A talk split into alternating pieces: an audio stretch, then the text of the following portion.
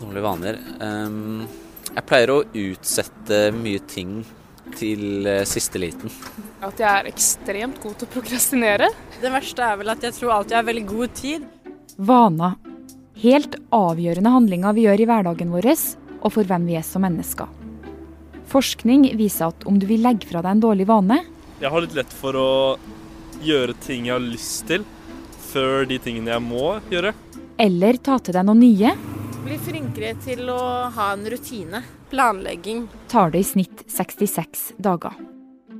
Den 12. mars måtte vi alle legge om livene våre ganske drastisk. Og i helga nådde vi det magiske tallet 66. Men hvilke av de nye vanene våre vil faktisk vare? Det her er forklart fra Aftenposten, og jeg heter Marit Eriksdatter Gjelland.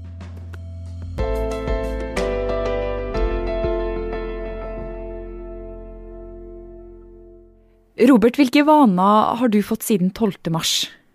Og det er mange små, nesten sånne umerkelige vaner. Eh, jeg har stått opp senere, for det har ikke vært noe jobb å gå til, eller, eh, eller noe skole å jage ungene til. Og så dusjer jeg ikke før et eh, stykke ut på dagen. Drikker mye mer kaffe enn før. Så er det selvsagt den der ostesmørbrødmaskinen vi kjøpte rett før koronaen kom. Mm, jeg har sikkert spist 200 av dem disse månedene. Robert Veiåker Johansen er journalist, og i den siste tida har han jobba med vaner. Det høres kanskje litt rart ut at noe så vanlig som en vane kan bli en sak i Aftenposten, men i dette tilfellet så ble det det. Jeg syns det er viktig fordi at det har skjedd noe med livet til oss eh, alle sammen. Vi har endra oss masse. Eh, noe av det har jo skjedd nesten umerkelig, mens andre ting har vært, eh, vært virkelig stor. Det er også viktig fordi at de nye vanene viser hvor tilpasningsdyktige vi mennesker er.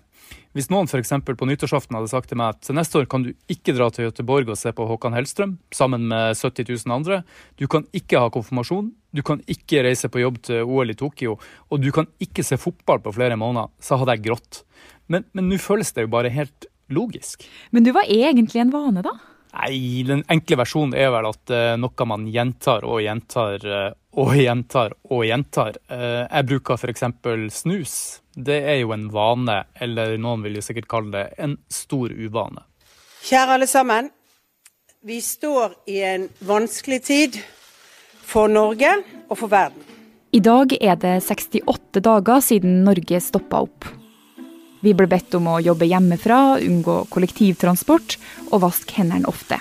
Ja, vi diskuterte i stad at eh, nå skal man jo ikke klø seg i ansiktet, og da er man kanskje mer bevisst på at det gjør man oftere enn man trodde fra før.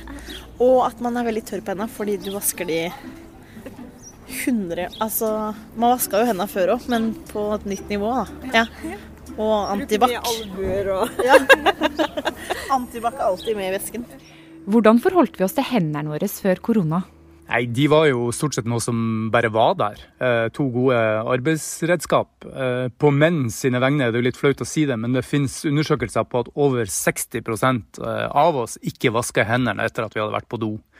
Eh, jeg har vært på ganske mange do rundt omkring og, og, og tror at det tallet var litt for høyt. Det er i hvert fall lavere nå. Nå vasker alle hendene. Men kommer koronapandemien til å endre hvordan vi ser på hendene våre eh, for alltid? Ja, i hvert fall for veldig lang tid, tror jeg. Fordi at vi er blitt eh, innprenta hvor viktig de er for at vi ikke skal smitte hverandre. Eh, jeg tror vi kommer til å vaske hendene på automatikk mye mer enn før. Og, og, en annen ting, tenk, vi har gått i over to måneder uten å ta hverandre i hendene. Det var helt naturlig og høflig å gjøre før. Jeg tror det kommer til å ta en god stund før vi gjør det igjen. For meg er faktisk den der eh, med at man ikke tar hverandre i hendene helt super, for at eh, jeg er så svett i hendene. Vil du si det? Skal du si det på radio? Håndvask og håndtrykk er jo én ting, men eh, de nye koronavanene våre strekker seg mye lenger. Vi er straks tilbake.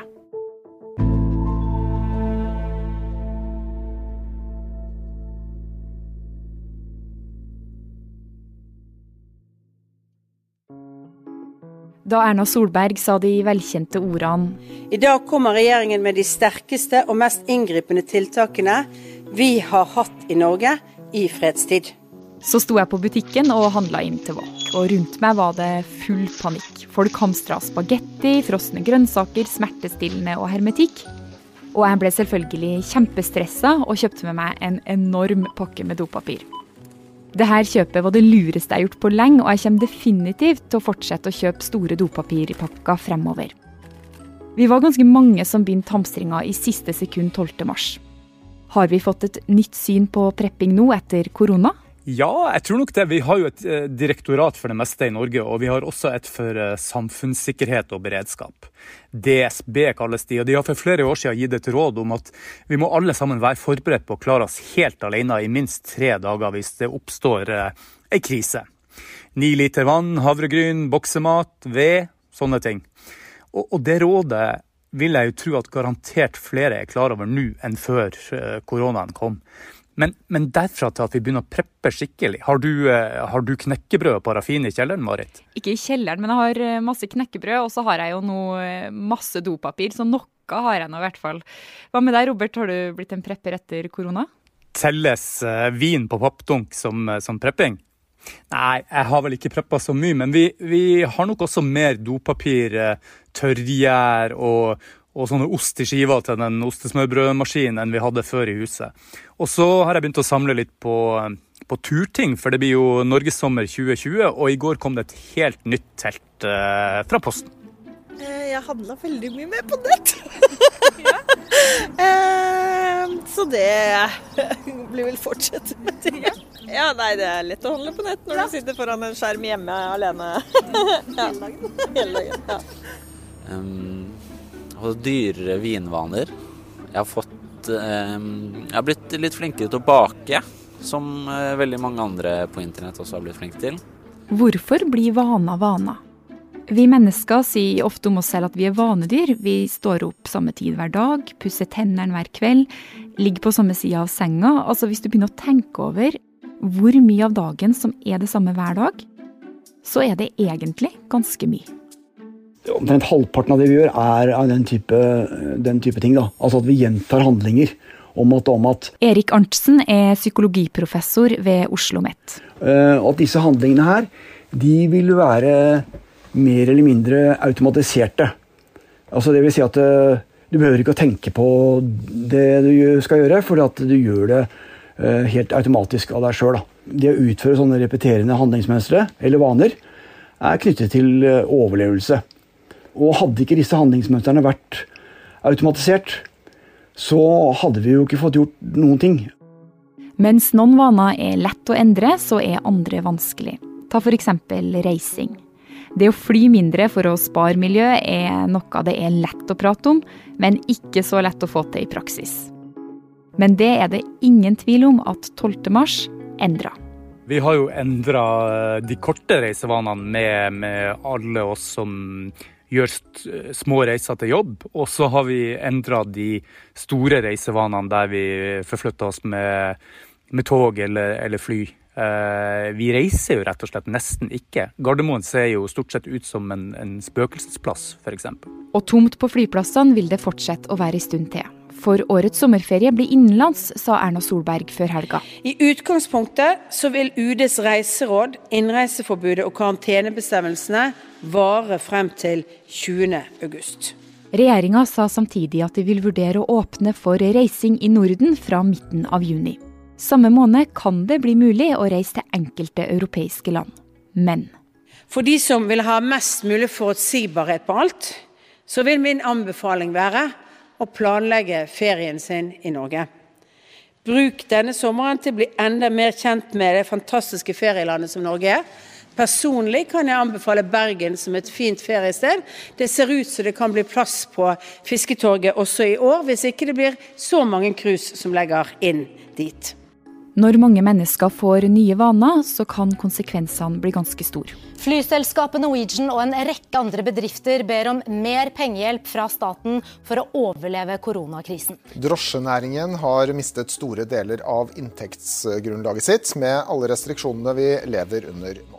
I ukene etter nedstenginga av Norge så gikk antall flypassasjerer på norske flyplasser ned 93% Busselskapene, taxinæringa og fergetrafikken har de siste to månedene fortalt om det samme. Det letteste svaret når det gjelder endringene, er sannsynligvis å se på de bransjene som har kjempetrøbbel økonomisk. Eh, fly, reiseliv, kollektivtrafikk, kulturliv, restaurant, barer, idrett.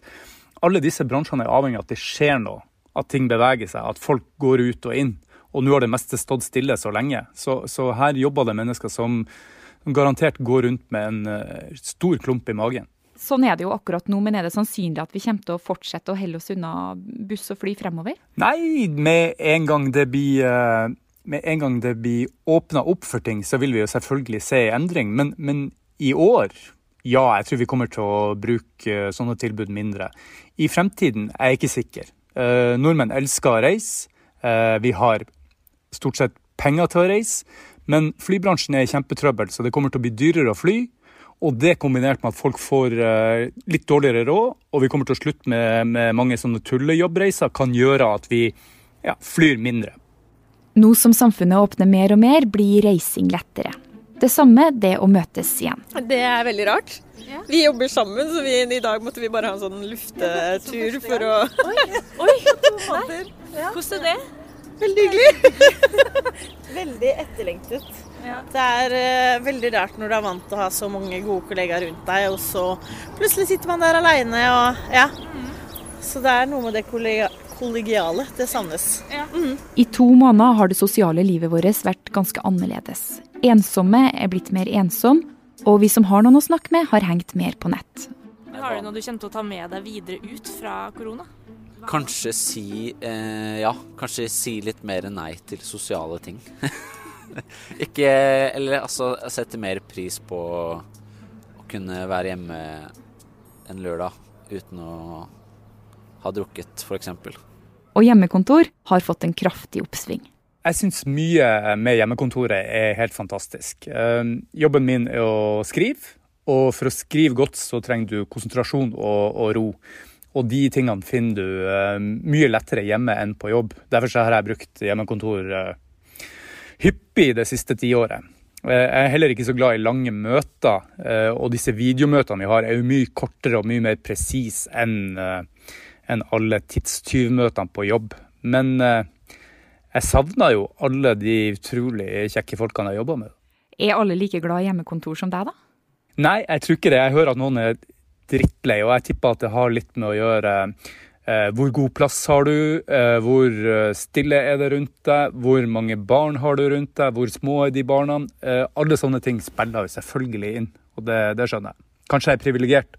Ja, og elever og studenter de har jo også eh, jobba hjemmefra, så det er jo mange som har sittet hjem. Hva har vi lært av de her hjemmekontortidene, da? Nei, altså De jeg, de jeg har snakka med som, som, jobber med utdanning, er jo først og fremst veldig imponert eh, og har lært masse sjøl. Vi har plutselig fått en, en liten hær av unger og ungdom som, som med letthet sender inn digitale oppgaver. De har full kontroll på på sånn skoleverktøy som Teams. De bruker mute og unmute-knappen, og de behersker chatter. Og mye av den der digitale læringsrevolusjonen som har vært disse månedene, eh, tipper, jeg, jeg, tipper at, at, de som jobber med utdanning, finner en måte til å ta de beste tingene med seg videre. Så jeg har begynt å faktisk spise tre måltider om dagen. Så det, det har vært fint. Jeg tror at det kommer til å bli lavere terskler for å si til sjefen at man føler seg dårlig. Eh, og selv om koronaen på en måte forsvinner, blir eh, borte, så tror jeg alltid kommer til å ligge en sånn slags bakenforliggende sånn greie at sjefen kan tenke OK, hva hvis han har en eh, svittsom eh, SARS-relatert sykdom som han kan ta med til kontoret?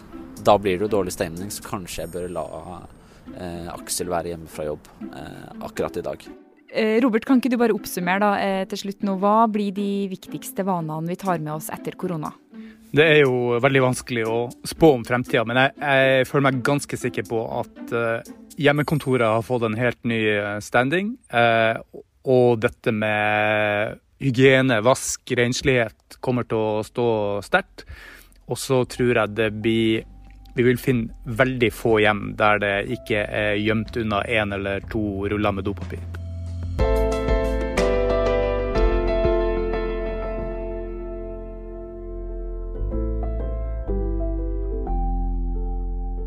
Forklart lages av Caroline Fossland, Fride Næss Nonstad, Anne Lindholm, Andreas Bakkefoss og meg, Marit Eriksdatter Gjelland.